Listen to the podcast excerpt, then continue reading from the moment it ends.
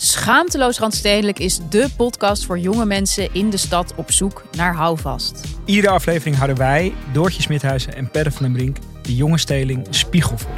Hoe erg is de wooncrisis voor millennials? En kan je eigenlijk nog wel vlees eten? En is natuurwijn helemaal super of is het totaal overbodige luxe? Wij zijn jouw gids binnen de Randstedelijke bubbel. Luister nu naar onze podcast Schaamteloos Randstedelijk. Overal waar jij je podcast luistert. Deze podcast is 100% expertisevrij en alleen geschikt voor amusementsdoeleinden. De inhoud mag niet worden beschouwd als financieel advies. Dit is Jong Beleggen, de podcast. Ik ben Milou. En ik ben Pim. En wat is dit? Een nieuwe tune. Ja, leuk hè? Ja, heel leuk. Daar zijn we echt super blij mee. We gaan uitleggen hoe dat precies tot stand is gekomen straks. Maar we gaan het ook hebben over share buybacks. Ja, kapitaalallocatie, een van de belangrijkste dingen. Ja, En Apple. precies. En founder-led companies. Oftewel, hoe belangrijk is de oprichter voor een bedrijf en dat hij nog in charge is daar. Ja, laten we snel eh, beginnen en genieten van deze tune. Ja, precies. Even stil.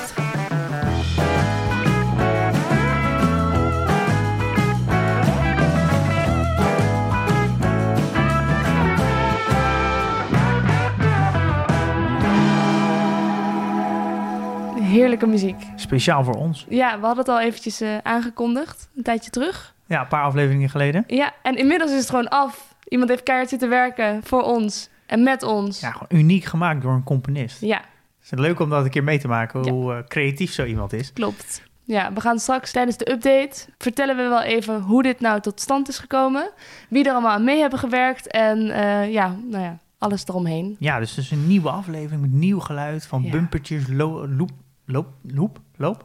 Ik wou net zeggen van wat weet je goed hoe die terminologie zit al, maar dat is een loop. Outro, Een loop. loopje, dat Een is loopje. dat het doorgaat. Ja. Ja, Ja, leuk. Gaan we straks even verder over hebben.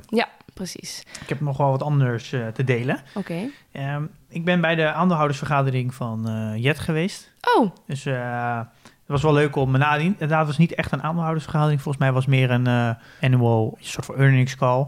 De update van 2020. ja. eh, waar ook eh, alle analisten aanwezig waren. Dus dan, is het, dan moet ik voor me zien als een soort van Zoom-meeting waar iedereen met elkaar zit? Ja, je ziet elkaar niet. Dus het is echt een, eh, een, Een podcast. een soort van stream eigenlijk. Je kijkt eigenlijk naar een soort van PowerPoint.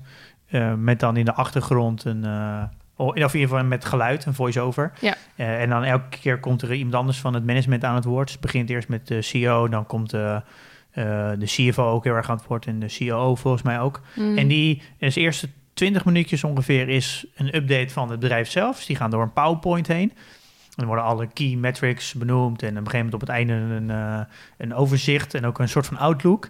Eh, en dan zit er een, eh, eh, in dit geval een vrouw die neemt het over en die gaat dan eh, de beurt, beurt geven aan analisten. En die kunnen dan vragen stellen. Dus Ja. er stelt een analist een vraag. Zij introduceert dan die analist eh, met een naam en welke, vanuit welke bedrijf, welke, vaak welke bank eh, diegene spreekt. En die stelt dan de vraag. Kiest zij weer iemand nieuw uit. En dat gaat eigenlijk, ging twee uur lang door. Jeetje, maar wordt dat gemodereerd? Eh, weten ze en Jitsen dus van tevoren welke vragen er gesteld Nee, gaan worden? En nee. welke analisten die vragen gaan stellen? Nee, het is compleet, eh, je hebt daar totaal, totaal geen overzicht. Het is eigenlijk een soort persconferentie voor... Ja, het is, het is eh, letterlijk een persconferentie. Ja. Ja. In dit geval, eh, ik kan dus ook niet zien wie er ook allemaal in zit. Volgens mij moet je denk ik via een apart systeem inschrijven als analist om ook vragen te mogen stellen. ja. En ik zit dan meer aan de, aan de streamzijde eigenlijk. Dus ik zie alleen maar, ik Passief. consumeer, ik consumeer alleen maar. Eh, maar dat was wel heel interessant om dat een keer, eh, een keer te horen. En je krijgt wel... Een, Was dit jouw eerste aandelsvergadering? ja, dit is echt de eerste keer dat ik hem ook echt volledig heb afgeluisterd. Dus ik heb eh, voor klaargezeten twee uur gezeten. Kon je het volgen allemaal? Ja, dat is heel goed te volgen. En eh, je krijgt wel een heel goed gevoel bij het bedrijf en bij het management, want ze moeten ook allemaal vragen stellen. En ik denk wel dat, het wordt er wel eens vaker gezegd, als je een bedrijf moet je echt leren kennen. Dan, ja, dit is wel een heel mooi moment om, om het management ook direct te horen spreken en ook horen reageren op vragen. En ik denk dat als je dit een paar keer doet, door, door de tijd heen, dan merk je ook dat die vragen misschien terug gaan komen. Antwoorden ze daar anders op of niet? Ja. En het is wel heel leuk om, eh, om, een keer, om een keer mee te maken. Het is op zich vrij makkelijk te consumeren, want je hoeft alleen maar je gewoon aan te zetten en, en te luisteren. ja. Eh, en het, eh, Nog iets opgestoken? Wat, wat neem je mee uit nou, deze wat mij ex, ex opviel, is dat Jitse wist echt alles. Van elk detail wist hij het antwoord. Er werd een vraag gesteld over een specifiek land, over een bepaalde metric. Hij had het antwoord gewoon direct paraat. En hij was ook echt heel erg scherp. Hmm. Als iemand een vraag stelde dan, en hij vond, soms vond hij de formulering van de vraag niet goed, dan zegt hij gewoon, nou, je bent niet goed, goed genoeg geïnformeerd. De formulering klopt niet. Ik, je, ik, zo zou je hem eigenlijk moeten stellen en dan is dit het antwoord. Dat herken ik heel erg als, zelf als ondernemer. Hij weet wel echt alles van die Ja. business. Echt van, gewoon van de hoed tot de rand. En dat denk ik, als het voor mij, als je een bedrijf beoordeelt, dan is het als management, eh, is hij wel duidelijk de juiste man voor de, voor de juiste job, denk ik. Ja, dus het was wel leuk om, eh, om dat een keer mee te maken. Leuk om een keer bij te wonen. Ehm, en nog even trouwens terugkomend op de vorige aflevering. Daar vonden mensen toch wel, best wel moeilijk. Heb jij dat niet gehoord? Eh, nee, Mensen die zeiden van nou, sorry, meestal snap ik het wel, kan ik het volgen, maar dit was echt onnavolgbaar. ja, nou ja, dat klopt wel. Het is, het is een eh, lastig onderwerp en moeilijk te doorgronden. Ja, Eh, ja, we hebben ons best gedaan met we de hebben ons bussen best gedaan, ja. eh, en de buschauffeurs. Ja, maar het, blij- het blijft een lastig onderwerp. ja misschien is er ook wel gewoon geen bitcoin easy fix. Als wij het zelfs niet kunnen, Pim. Nou ja, het is gewoon een heel moeilijk onderwerp. En soms is een moeilijk onderwerp blijft gewoon altijd lastig. Ik denk niet dat het ja, onmogelijk is om het te begrijpen, maar dan moet, ja, dan moet je wel even iets meer tijd steken. Ja. En misschien wat meer lezen, meer video's kijken. Een beetje eh, investeren in je kennis. Ja, Ja. Dus, eh, en aan de andere kant, als je het niet kan begrijpen of het lukt niet, ja, dan moet je er misschien ook maar gewoon van wegblijven, toch? Zo is het ook Je weer. kan niet alles begrijpen. En jij nog nieuws verder? Ik, ik hoorde iets over een nieuwe video die je Ja, hebt gemaakt met Dennis. We, nou, we hebben Dennis al eens een keer eerder aangekondigd in een andere video met Basic Fit. We hebben ook een video gemaakt over, eh, over Just Eat Takeaway. En dat is ook onder andere de reden waarom ik die, eh die eh earnings call Oh, ja. heb eh, gekeken. Dennis heeft hem ook gekeken. Dus we hebben daar een video over gemaakt. En die komt ergens eind, ja, binnenkort ergens in de, community. Leuk. Gaan we het over hebben. We gaan het hebben over share buybacks, Pim. Ja, Ja. Voor- en nadelen van eigen aandelen inkopen. precies. Ja, dus dan, voor een bedrijf dan. Toch? Ehm, maar we gaan bekijken ja, ja. wel vanuit hoe beoordeel je dat als belegger? Ja, ja, Als wat een bedrijf opeens Ja. aandelen terug gaat. Ja. kopen. Heb, heb je een idee wat het is? Ja, want je hebt, we hebben het wel eens over gehad. Ja. Ja, dus een bedrijf die eh, heeft wat geld over. En die denkt, nou, dan ga ik wat aandelen terugkopen. Dat drijft eh, de, de koers een beetje op. En de, winst per aandeel gaat dan ook omhoog, als het goed is. Zo, nou verstandig. Ja, klopt. En we hebben het natuurlijk gehad over de aandelen emissies en claim-emissies. Ja, Nou, daar hebben we het volgens mij over gehad dat als er meer aandelen worden uitgegeven, eh, als bijvoorbeeld het bedrijf geld nodig heeft, of het staat heel hoog, nou, bijvoorbeeld Tesla heeft dat gedaan, dan worden extra aandelen uitgegeven, eh, dan verwatert iedereen. Eh, en eigenlijk dit kan je zien als een omgekeerde verwatering. Eh, want Ja. normaal komen de aandelen bij en dan ga je procentueel gezien natuurlijk naar beneden. ja. Maar in dit geval gaat het natuurlijk de andere kant op. Dus dit is een versterking. Het is een verdamping. Het is, ja, het is een, een omgekeerde verwatering eigenlijk. Ja. Ja, dit is, dit is in de laatste, eigenlijk de laatste tien jaar extreem populair geworden. Vooral in Amerika zie je dat, eh, vooral de S&P, eh, dat dit eigenlijk ja, structureel gebeurt. En Hoe- echt op hele dat? grote schaal. Volgens mij wordt er echt iets van eh, 800 miljard aan eigen aandelen ingekocht. Maar waarom is het zo populair? Ehm, nou, je duikt er wel gelijk in, maar het heeft eigenlijk te maken dat het... Ja, er zit, er zit heel veel gelaagdheid in. Kijk, je moet denk, misschien eerst eens beginnen met dat het is eigenlijk een tool. Je hebt, als je een bedrijf runt, als management, heb je eigenlijk vier mogelijkheden van, van wat je met geld kan doen. Je kan natuurlijk geld investeren in je bedrijf. Ja. Nou, dat is denk ik vrij logisch. Dat gebeurt denk ik in eerste instantie het vaakst. Eh, vooral bij groeiende bedrijven. Je, je maakt winst of je houdt geld over. Of dan is het in ieder geval vrije cash. En dan ga je het herinvesteren, waardoor je op het einde van het jaar misschien geen winst maakt, maar je wel het geld hebt herinvesteerd, waardoor je in de toekomst kan groeien. Je kan een ander bedrijf mee kopen. Dus je kan eh, je, ja, gewoon eh, concurrenten kopen of eh, ja, een soort van vergelijkbare bedrijven. En dan kan je dat als aanvulling zien, als verbreding. Je kan het uitkeren als dividend. Ja. Ehm, maar je kan ook terugkopen van eigen aandelen. Ja. En het is eigenlijk een tool. Het is misschien wel de meest luie manier van ondernemen. Ehm, omdat ja, je hoeft eigenlijk natuurlijk helemaal niks te doen. Het geld komt binnen. Je hoeft alleen maar eigen aandelen in te kopen. En ja, dus je hoeft natuurlijk helemaal niet voor te ondernemen. Het is natuurlijk de, de meest luie vorm van. eh, ja, maar het lijkt Ja. ook niet heel veel toevoegen. Dus, dus waar is het een tool voor? Nou, uiteindelijk gaat het om kapitaalallocatie. Daar hebben we het volgens mij wel een paar keer eerder over Ik gehad. heb het woord wel eens gehoord. Ja, kijk, en dat, dat is misschien wel een van de belangrijkste skills van een management en van een eigenaar, een ondernemer, is kapitaalallocatie. En dat houdt eigenlijk in, er gaat dus gewoon heel veel kapitaal de organisatie door. Dan gaan ook heel veel natuurlijk gelijk naar kosten, dus je bent ook gelijk heel veel kwijt. Maar er- als een goed gerund bedrijf blijft altijd wat over. Eh, en dat is, dat is een soort van vrije, ja, vrij te besteden geld. Mhm. En ja, de ondernemer of het management, die moet, eh, die moet dat goed besteden. En je wil natuurlijk als aandeelhouder dat je een heel hoge return hebt. Dus dat het management het zo goed besteedt dat je ook dat je ook een rendement hebt op die investering. Want als het, ja, als het management geen rendement maakt op die investering, ja, dan zegt de aandeelhouder, eh, ja, keer het dan maar uit. Dan ga ik er zelf wel, eh, ga ik er zelf wel wat mee doen.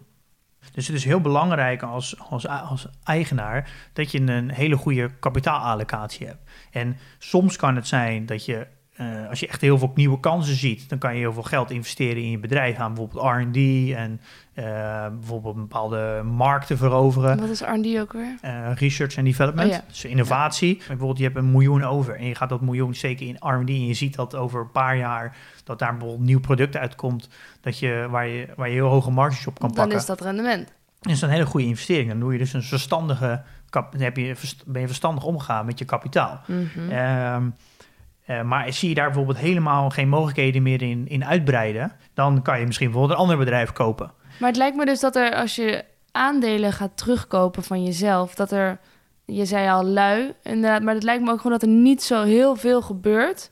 Behalve dat je eigenlijk kunstmatig, ja, wat is kunstmatig, maar dat daardoor die prijs van zo'n aandeel omhoog gaat, omdat jij ze zelf terugkoopt. Ja, ik, ik laat misschien eerst eens een voorbeeld nemen. Ja, dat klopt wel wat je zegt. Het, is, het heeft namelijk, het is, ik noem het namelijk een tool omdat je het namelijk slecht kan gebruiken en goed kan gebruiken. Eh, dus het is, je kan niet zozeer zeggen dat het altijd goed is of altijd fout. Het ligt uiteindelijk hoe je het inzet als tool. Oké. Ehm, en ik, pak, ik wil even een voorbeeld geven om uit te leggen wat het nou exact is. Nou, bijvoorbeeld een bedrijf heeft eh, de 1000 euro winst. En het bedrijf heeft 100 uitstaande aandelen. Dan is dat vrij eenvoudig uit te rekenen wat het winst per aandeel is. Ja. Dat is eh 10 euro. Dus je, je, hebt, ja, je hebt 10 euro winst per aandeel. Dat noem je in het Engels eh, EPS, earnings per share. In Ja. Nederland winst per aandeel. Ehm, maar het bedrijf gaat voor 10% de eigen aandelen inkopen. Dus dat is in dit geval 10 aandelen. Ja. Dan heeft het bedrijf jaar daarna nog steeds eh 1000 euro winst. Ehm, maar nu zijn er niet meer 100 aandelen, maar 90 aandelen. Ja. Dus als we dan die 90 aandelen delen door 1000 euro winst, dan kom je in één keer uit op 11 euro 11. Maar er zijn nog 90 aandelen vrij verhandelbaar, want Ja. die andere die zij zelf hebben, die zijn niet verdwenen natuurlijk. Jawel, die zijn van de markt gehaald. Die zijn Ja, door de zijn- organisatie zelf ingekocht. Ja, Dus die zijn verdwenen. oké. Dus de, de soort van de free float noemen ze dat, dus de vrij verhandelbare aandelen, Ja. die zijn gewoon minder geworden. Ja. Dus dat betekent dat iedereen die nog steeds aandeelhouder is, zijn er in dit geval nog, even gaat ervan uit dat het 90 mensen zijn, die allemaal één aandeel hebben. Dat betekent dat het nu, je winst per aandeel is nu 11 euro 11. Ja. Dus dat betekent dat je eigenlijk een EPS, dus een winst per aandeel groei hebt behaald eh, van 11,1 procent. Ja. Dus het lijkt dus heel erg, als je dus, er wordt heel, veel, wordt heel erg gekeken naar winst per aandeel, eh, dat het bedrijf dus eh 11,1 procent meer winst heeft gemaakt. ja, maar dat is niet zo. Dat is natuurlijk niet zo, eh, maar het is wel zo dat de winst, die 1000 euro, die hoeft nu maar onder 90 mensen verdeeld te worden. In plaats maar de van winst over... die wordt toch nooit zo direct verdeeld? Ja, dat, dat- ja, natuurlijk wel. Want als, je, als het bedrijf eh, bijvoorbeeld dividend uitkeert, ja, dan hoeft het maar onder 90 mensen uitgekeerd. Ja, oké, precies. In Dus- plaats van 100. Dus, Via de dus dividend. uiteindelijk is het.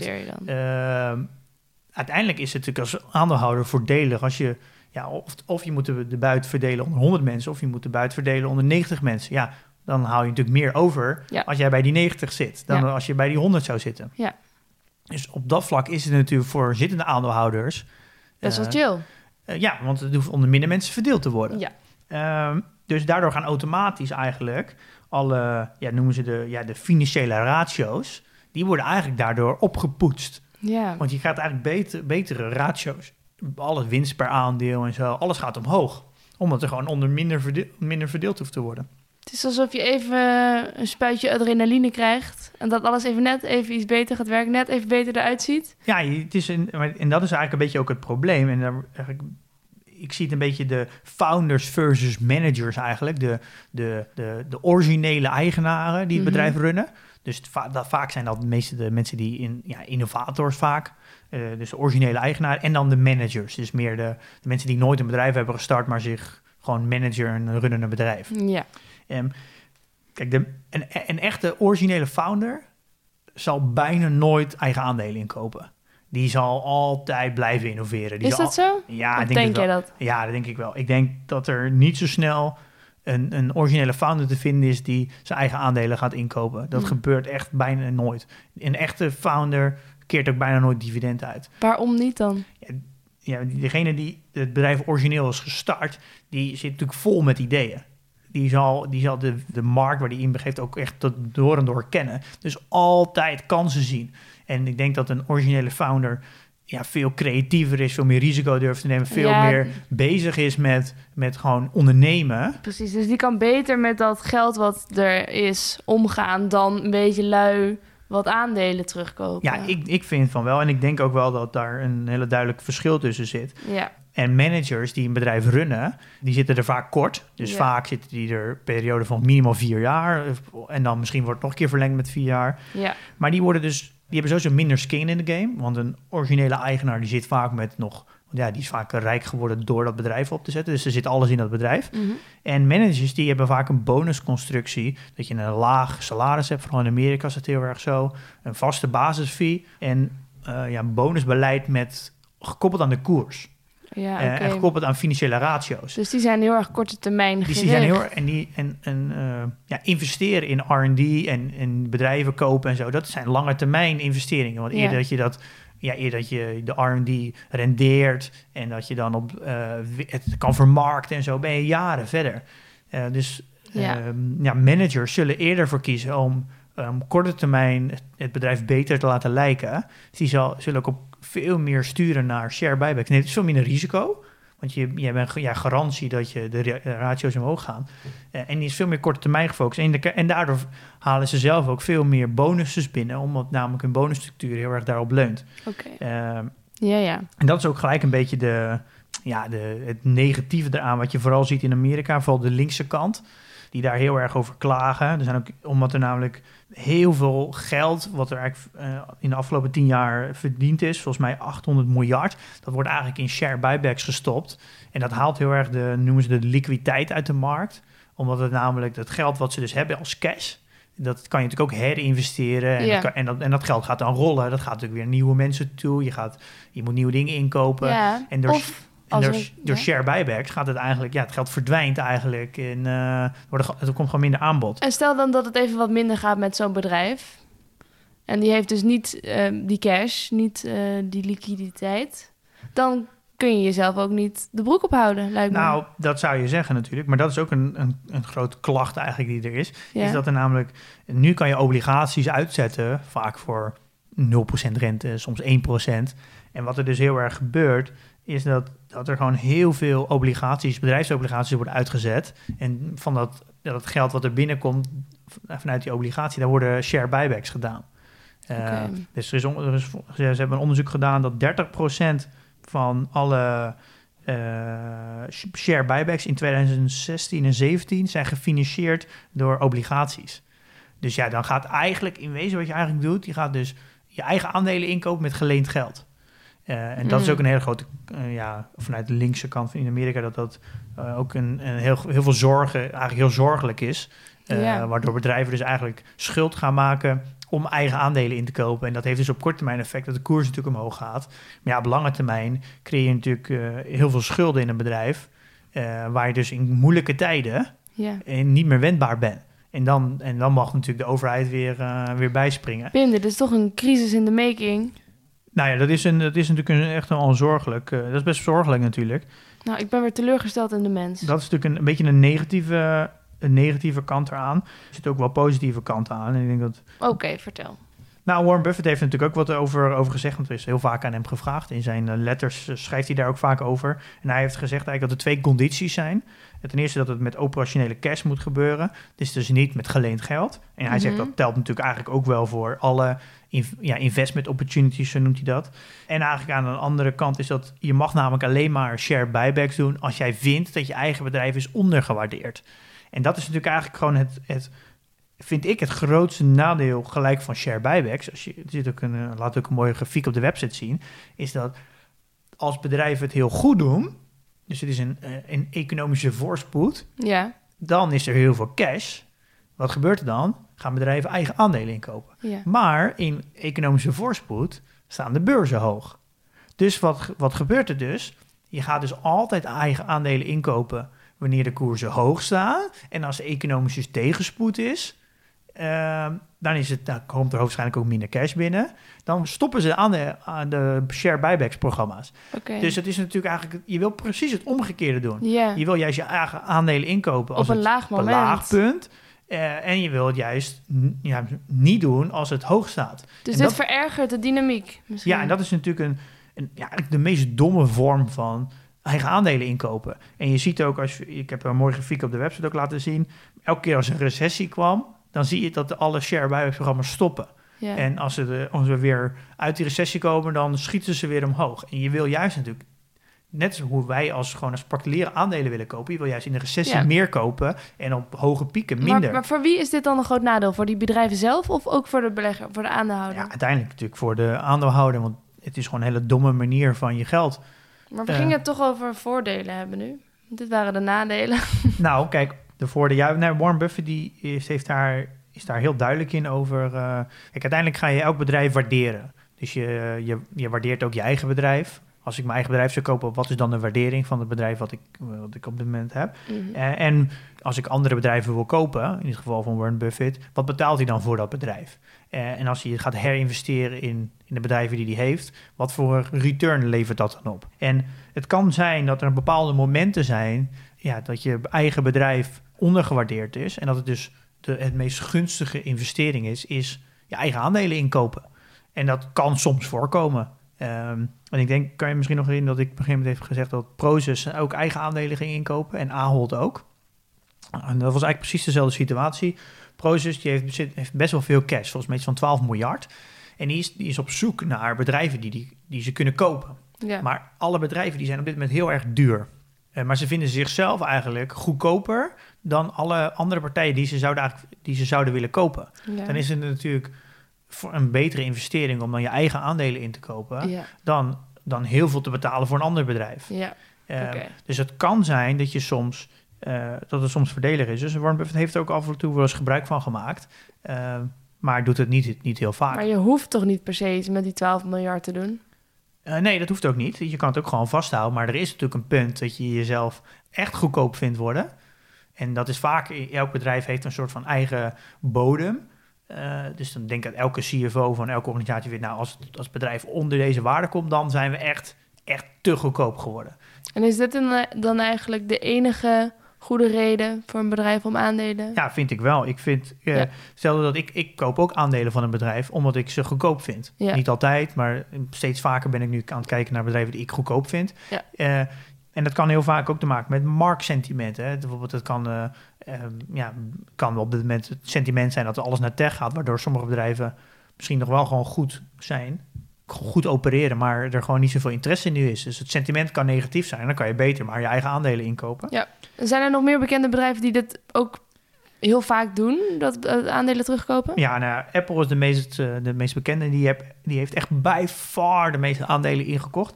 En je ziet wel wanneer Steve Jobs is overleden, 2011. Daarna eh, is, heeft Tim Cook het overgenomen. En in 2013 zijn ze echt, echt flink een aandelen inkoopprogramma begonnen. Oh, want toen was dus de, de founding eh, father was weg. Ja, en misschien heeft, ja, dat heeft wel En iets mee te maken. een manager. En ze hadden, ja, ze hadden ook, ze hebben nu nog steeds heel veel cash. En ze hebben echt flink aandelen ingekocht. Vanaf 2013 tot nu ehm, hebben ze eh, volgens mij voor rond de 35% aandelen ingekocht. Dus in 2013 en nu zijn er 35% minder aandelen eh, verhandelbaar. Ja. En waarom hebben ze dit gedaan? Nou ja, het is eigenlijk heel logisch, want het is, hebben heel veel cash. Ja, Apple, je kan niet echt, ja, die kan wel herinvesteren, maar ze, ik denk, er zit op een gegeven moment een tax waar je, je kan je wel meer investeren, maar dan wordt het minder efficiënt. Eh, Dus dan op een gegeven moment stop je gewoon van, je hebt ergens een threshold van als ik bijvoorbeeld 4 miljard per jaar investeer, dan ga ik ga niet meer rendement maken erop als ik 5 miljard investeer. Dus ze weten gewoon van gekte niet weer wat ze met hun eigen geld Ja. moeten doen. En dan, dat klopt, en dan ga je eigen aandelen inkopen. Dus ik denk dat het bij Apple ook heel erg rechtvaardig is. En dit Hoezo? Maar nee, maar nee. Waarom is het dan gerechtvaardigd opeens? Want het is nog steeds niet per se de reden dat ze eh, vinden dat het een hele goede prijs is. Je kan het ook uitkeren aan je aandeelhouder. Ja, maar dit is een vorm van uitkeren. Eh, Oké. Maar dan, je kan het ook in dividend uitkeren. En dat doen ze ook. En de vraag, kijk, dat is ook weer, in Amerika heb je natuurlijk... Verdienen ze niet gewoon te veel geld? Ja, Kan dat zo- ook? dat sowieso. Apple helemaal. Maar met kijk, het heeft ook met belastingvoordeel te maken. Kijk, eh, je hebt kapitaalwinstbelasting. Nou, dat, dat kennen wij in Nederland niet, maar dat heb je in Amerika wel. En je hebt dividendbelasting. En dat wordt vaak gezien als inkomen. Dus vaak in heel veel landen in de wereld is namelijk ja, een hogere koers. Betaal je minder belasting over. Wij kennen dat helemaal niet in Nederland. Ja. Dan dividend. Want dividend betaal je belasting over. Dus vaak zijn heel veel aandeelhouders hebben de voorkeur bij share buybacks. Omdat je namelijk daar minder belasting over betaalt. En, Ja, ik snap ehm, het. Hm, ehm. Kijk, en Apple heeft echt, echt heel veel eigen aandelen ingekocht. En als je naar Apple kijkt, in de afgelopen vijf jaar hebben ze gemiddeld voor 5,5% aan eigen aandelen ingekocht. Eh, dus dat is flink. En er komt ook nog eens eh, eh, 1,43% eh dividendrendement bij. eh, In, gemiddeld in de afgelopen vijf jaar. Dus dan kom je op 6,91 euro uit. 6,09 euro, bijna 7% in de afgelopen vijf jaar. Dus ze hebben alleen al aan dividend en eigen aandelen inkopen. Ja, is het al, is het al 7% gegroeid. Nou, dat hebben ze toch weer handig gedaan. Dus je hebt eigenlijk al bij Apple alleen al een rendement, omdat ze gewoon zoveel aandelen inkopen en dividend uitkeren. En je ziet nu dat, dat er vooral in de, in de energiesector en in de financiële sector, dat daar heel erg gebruik van gemaakt wordt. En dat is ook niet heel gek, want Waarvan? van de share buybacks, want er hangt nogal een negatief sentiment in bij financiële bedrijven, fi- financiële instellingen. En ook bij energiebedrijven hangt een heel erg een negatief sentiment nu. Ja, Ehm is niet toekomstbestendig, maar ze verdienen nog wel heel veel geld. ja. Eh, ja, en als er dan een heel negatief sentiment hangt, zijn de koersen heel laag. Dus dan gaan ze kopen. Dan gaan ze eigen aandelen kopen. En het heeft ook eens mee te maken dat zo'n Shell, die kan eigenlijk bijna niet meer echt investeren. Want het Nee. is gewoon, het hele speelveld is gewoon zo van, ja, is klaar.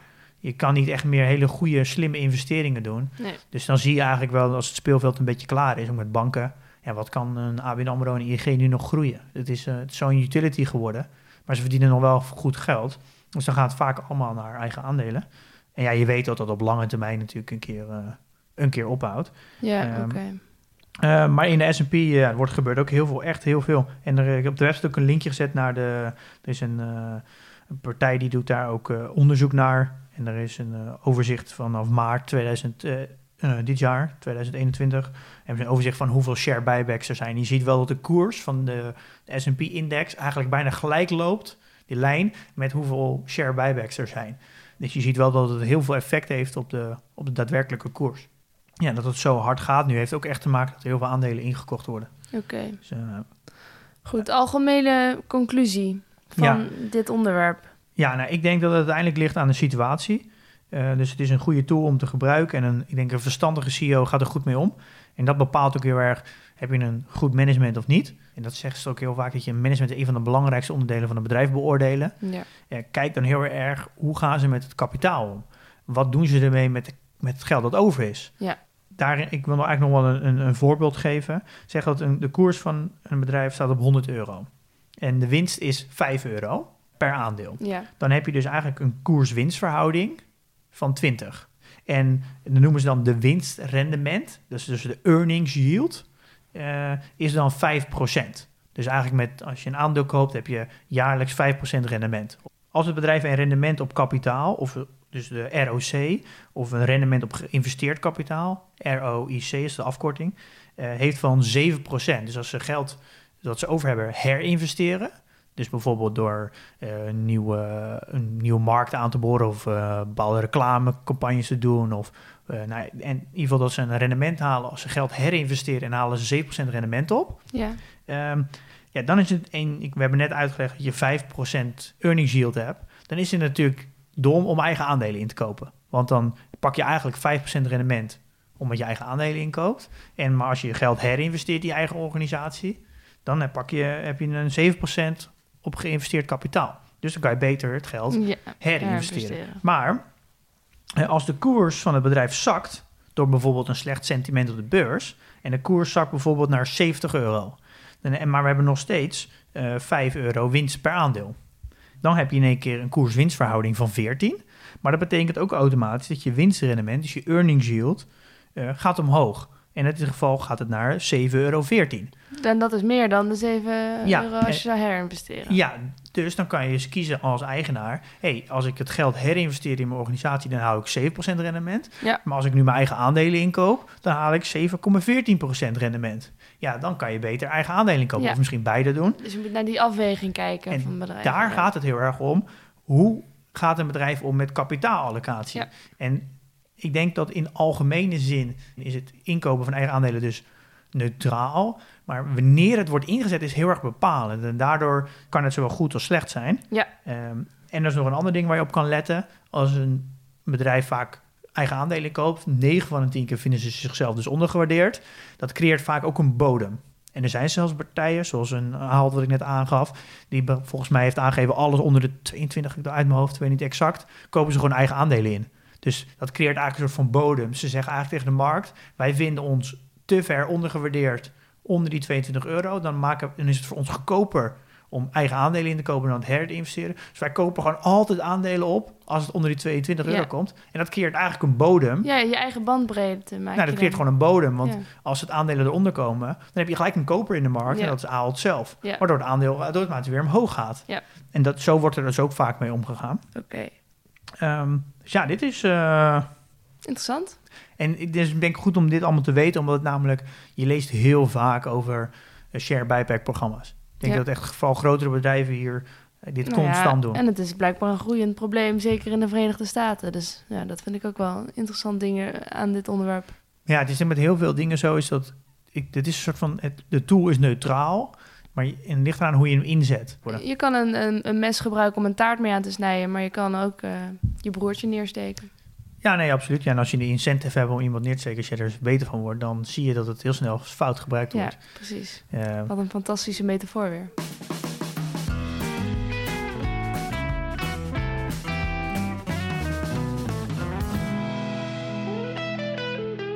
We gaan naar de update en de vrienden van de show. Eh, maar dit is natuurlijk onze nieuwe tune. Ja, fantastisch hè? Ja, ik ben er echt super blij mee. Ja, kan je, kan je eens wat delen hoe, eh, hoe, hoe dit tot stand gekomen is? Ja, nou Pim, dit is tot stand gekomen met onze vrienden van Tamber. En in het bijzonder Niels de Jong. Eh, we hebben heel veel videocalls met hem gedaan. En hij is echt helemaal gaan uitzoeken van... Nou, wat past nou echt bij jullie? Wat is jullie merk? Eh, wat willen jullie voor gevoel geven aan de luisteraars? Hebben we ook al kort even wat over gedeeld. Hè? We hadden Ja. toen gezegd van... Ja, wij zijn de verzorger. Ehm, in die zin, we willen mensen helpen het zelf te doen.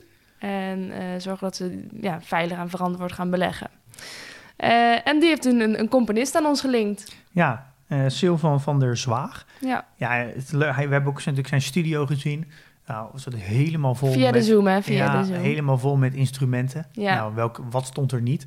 En hij heeft gewoon het nummer gewoon volledig gecomponeerd. Hij heeft gewoon elk instrument zelf bespeeld. En dan over elkaar heen gelegd. Ja. Is een, eh, hij liet het ook zien hoe hij dat, eh, hoe hij dat doet. Ja, en dus niet Echt alleen- een talent, hè? Ja. Fantastisch. En niet alleen dus het liedje zelf en de melodie, maar ook welke instrumenten en op wat voor manier wil ik dat ze klinken. Want wij hadden heel veel liedjes ingestuurd die, nou ja, wat ouder waren. We hadden wat Bob Dylan gestuurd en nou ja, noem maar op.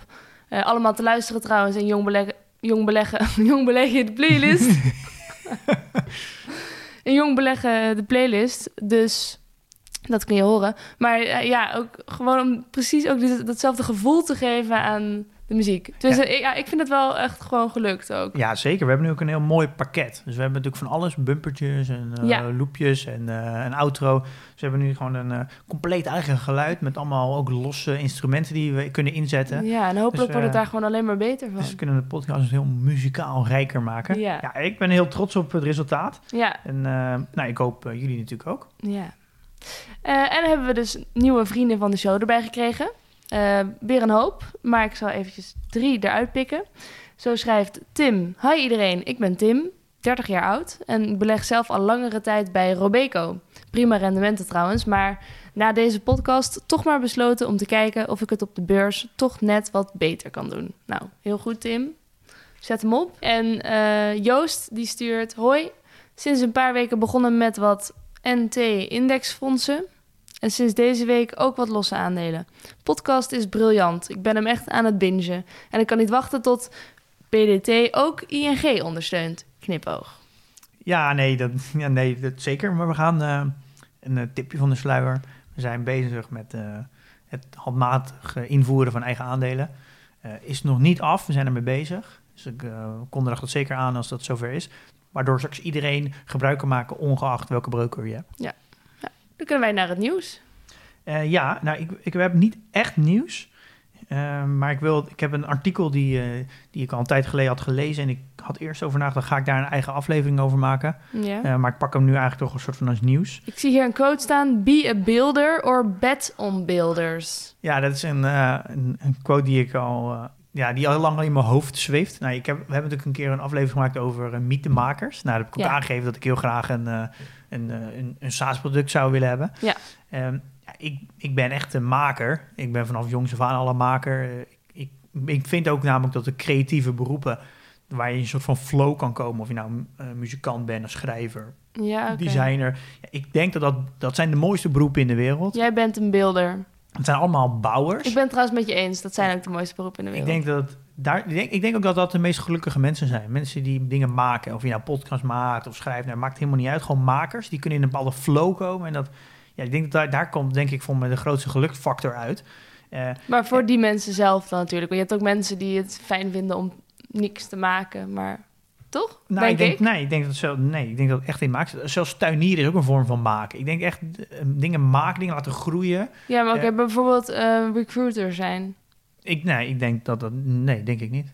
Geen, niet een vorm van maken. Nee, denk ik niet. Ik denk dat die mensen, uh, nou, niet om zo'n heel beroepsgroep nou, uh, maar ik denk dat die mensen ook vaak een hobby hebben of iets daarnaast doen waar ze wat veel maken. meer iets met maken is. Hm. Ik denk dat het meeste geluk uit maken komt. Ja? En ik denk ook dat de makers, ja, die, de- daar zit ook de, de, de, de een hele grote upside in vanuit een business perspectief natuurlijk. Want je kan iets creëren vanuit het niks en dat creëert waarde en dat is heel schaalbaar. En dat, als je dat, dat zelf niet kan, dan, ja, dan, met beleggen bet on builders. Dus ja, ga dan, plak je dan vast aan makers, zodat je mee kan profiteren van het succes van makers. Want uiteindelijk Ja. is alles wat, wat echt, ja, echt echte waarde wordt gecreëerd door makers. Ja. Kijk maar naar alle bedrijven, die zijn eigenlijk allemaal begonnen met een maker. Dus je moet een maker zijn of je moet een aandeel nemen in die maker. ja, dat is een beetje het idee van als je, dus je moet eraan vastplakken. Ja, Nou, dat is een quote die ik al heel lange tijd eh, een soort van bij me draag. En Ik, er is een artikel eh, en daarvan heb ik later meer artikelen gevonden. Dus ik heb die ook op de website gezet. Nou, er zijn heel veel artikelen eigenlijk over te vinden. Eh, en dat gaat over het verschil tussen founder-led companies en ja, dat noemen ze dan meer CEO-led. Dus dat houdt eigenlijk in het verschil tussen een, een originele eigenaar die het bedrijf leidt ja, en meer een manager, ja, een, een andere persoon die niet het bedrijf heeft opgericht, het bedrijf leidt. Dus niet een ondernemer. ja. En ehm, daar is een, er zijn heel veel onderzoeken naar gedaan naar wat is het verschil in rendement. Eh, en wat is het verschil in, in omzetgroei en in eh, toekomstverwachting. En er zijn allemaal onderzoeken naar gedaan. Nou, ik voel Ja. de bui al een beetje Ja, hangen. nou ja, dat, dat kan, ja natuurlijk. Eh, dat natuurlijk eigenlijk alle founder-led companies gewoon beter performen. Maar echt ook niet een klein beetje. Echt Ja. soms wel echt eh, met een echt soms wel eens 5 à 10, 15 procent verschil. Ja. Eh, en De quote 500 staat ook vol met eh, ondernemers, niet met managers per se. Nee, nee, ja, nee, klopt. Wel een ja. paar, maar... Uiteindelijk is natuurlijk al het, het rijkdom wordt natuurlijk eigenlijk gecreëerd door ondernemers. Ja. En dan kijk je ook naar de grootste, rijkste mensen in de wereld. Dat zijn allemaal ondernemers. En vanuit dat perspectief eh, moet je natuurlijk eigenlijk ook als, kan je eigenlijk als particulier ook heel erg vastplakken aan die mensen. En dat is natuurlijk de beurs heel mooi. Dat je, ja, je, je kan een soort van wedden, in dat gewoon beleggen op een persoon. Ja. Eh, soms kan je ook beter op een persoon, bijna op, een, op een- echt op een founder wedden, dan alleen maar op een bedrijf. Daarom zeggen ze ook dat management zo belangrijk is. Ja. Ehm, maar ik, er zijn heel veel, ik, als, je daar, als je daarvan houdt, moet je, moet je even de website kijken. Er zijn heel veel leuke artikelen, ook onderzoeken. Toen ben ik dus even gaan kijken naar wat voor bedrijven heb ik nou in mijn portefeuille die founder-led zijn. Ik heb me daar nooit zo goed gerealiseerd, maar van de 13 groeibedrijven zijn er gewoon 9 founders-led. Mhm. En dat is eigenlijk heel erg onbewust gegaan eigenlijk. Ik merk dat ik een bedrijf dat founder-led is, dat ik die ten eerste veel leuker vind om te onderzoeken. Ik vind het veel leuker om het management te bekijken, want ja, founders die hebben gewoon een veel unieker verhaal. Dat is gewoon heel leuk om, vind ik heel leuk, om, om die interviews te lezen. ja, trekt jou meer kijken. aan. Ja, omdat ik, me, ik, ik leer er zelf ook heel veel van als Ja. ondernemer. En ik weet gewoon als ondernemer hoe moeilijk het is en hoe hard werk het is om een bedrijf te bouwen. Maar ik weet ook dat het harde werken niet voelt als harde werken. Eh, Eigenlijk, dat is, dat is zo'n verschil als je gewoon een werknemer bent of gewoon, ja, dus eigenlijk een, iemand die het bedrijf niet heeft gestart en een soort van de CEO is, is natuurlijk eigenlijk ook gewoon een werknemer. Dus dat is zo'n verschil. En eigenlijk die... Uh, dat zie je waarschijnlijk dan ook wel terug in het rendement. Ja, en je ziet ook dat uh, er zijn ook onderzoeken naar gedaan, wat is nou het grote verschil? Dat uh, personeel dat kan werken direct met een founder, ook 3,5 keer meer gemotiveerd is, mm. omdat je daar ook je, ja, je het is gewoon een, hele, het is een hele andere bedrijfscultuur gelijk als je met een eigenaar kan mhm. werken dan met een, met een meer een bestuurder. En ook de, de innovatiekracht is veel groter. Er wordt veel meer. Dat ook, ja, er wordt, uh, de originele eigenaren weten gewoon veel meer alle details in een industrie. Ja, uh, interessant. Ehm, is daar ook een ETF voor? Ja, nou, ik, leuk dat je dat vraagt, want ik, nu is gewoon standaard reactie, is er een ETF natuurlijk. Ja, dat is mijn standaard reactie inderdaad. Ja, ja zo um, makkelijk. Ja, en die is er gewoon. Oh. Het is de Global X Founder Run Companies ETF. Dus de Founder Run noemen ze het. En uh-huh. de afkorting is BOS, B-O-S-S. Van baas? Um, ja, ja, grappig hè. Dus, is, het, is het toevallig? Nee, ja, je mag natuurlijk je eigen ticker symbool kiezen. Nou, dat is natuurlijk heel leuk bedacht. Um, er zitten honderd bedrijven in. Dus de honderd bedrijven die geleid zijn door, uh, nog, nog steeds door eigenaren. Willekeurige bedrijven? Oh, nee, de voorwaarde is wel dat mid- en large cap bedrijven zijn. In, allemaal in Amerika. Oké. En moet, je moet, ik heb hem op de website, je moet maar even kijken. Hij is helaas niet in Nederland verhandelbaar. Oh. Uh, maar wat je wel interessant kan zijn, is dat je eens een keer door die lijst heen gaat van wat voor bedrijven er allemaal bij zitten. Ik denk echt dat het effect heeft. Ik heb nu ook wel voor mezelf opgeschreven dat ik echt een extra plusje ga zetten als het een founder-led company is. Heb je het gedaan op de beurs afgelopen week, Pim? Um, volgens mij wat minder dan, dan vorige keer. Ik heb uh, nu 197.200. Dus dat is iets minder. Uh, het kwakkelde een beetje, zo'n beetje heen en weer al, ja, uh, al lange tijd. Ja. en ik heb geen transacties gedaan. Oké. Ik, ik, denk dat het bij jou ongeveer hetzelfde is, denk ik. Ja, ik heb ook kwakkel, kwakkel portfolio. Ik heb nu, ik zei, plus 516 staat hier. Dus ja, dat is nog wel een leuk getal. En mijn totale waarde is 5066 euro. Ja, dat is ongeveer hetzelfde. Hè? Ja. En dat, dat merk je wel. Er is, dat is het grappig als je een goed gespreide portefeuille hebt. Dan heb jij natuurlijk in wezen door, door een uh, S&P te hebben. Is, er gebeurt namelijk heel veel op de markt. Hè? Maar dat heb je eigenlijk helemaal niet door als je een goed gespreide portefeuille hebt. Want uh, we zien echt een, een, best wel een beweging van de technologie. Mm -hmm. Waar het een beetje uitstroomt. Het gaat veel meer naar misschien wat achtergebleven ja, ja. sectoren. Dus er gebeurt heel veel, maar je, als je goed gespreid bent, dan merk je in totaal van je portefeuille, merk je er eigenlijk niet zoveel van. Rustgevend idee. Ja. Even kijken, wat is er deze week allemaal binnengekomen aan reviews? Nou, dat ga ik natuurlijk niet allemaal voorlezen, maar wel eentje in ieder geval. Even kijken. We hebben van Arne een berichtje gekregen. Hij schrijft: Ik hoorde dat jullie een aflevering uh, gaan maken over cryptocurrency. Ik ben zelf recent begonnen met bots van Revenue.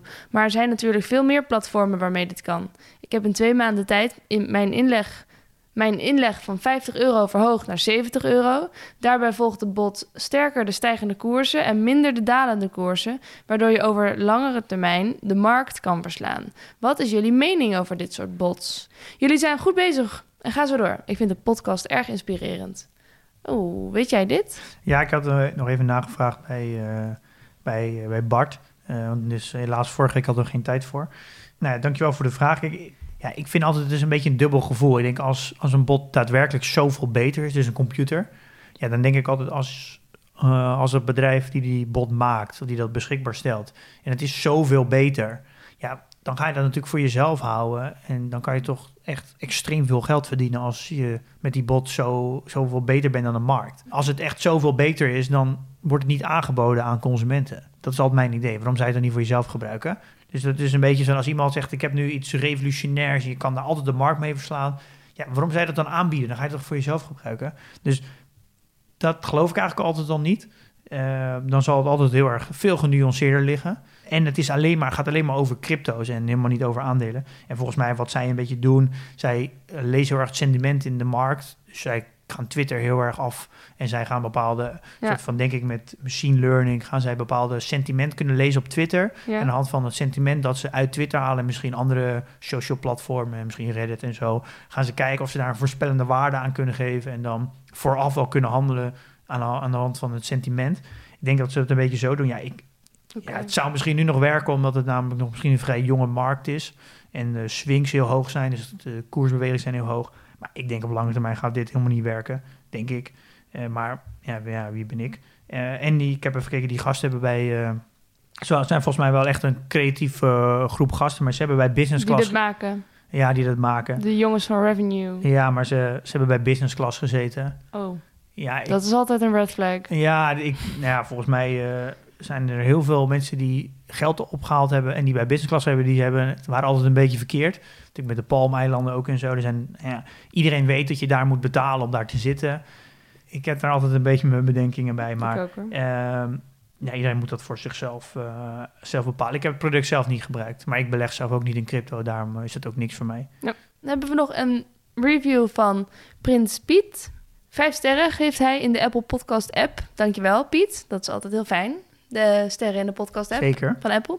De ideale learning curve om te gaan beleggen, zegt hij. De podcast is een must voor elke beginnende belegger en geeft verdieping voor de meer ervaren belegger. Nou, dat is heel leuk nieuws om te horen. Ja, dankjewel voor de mooie woorden. Ja.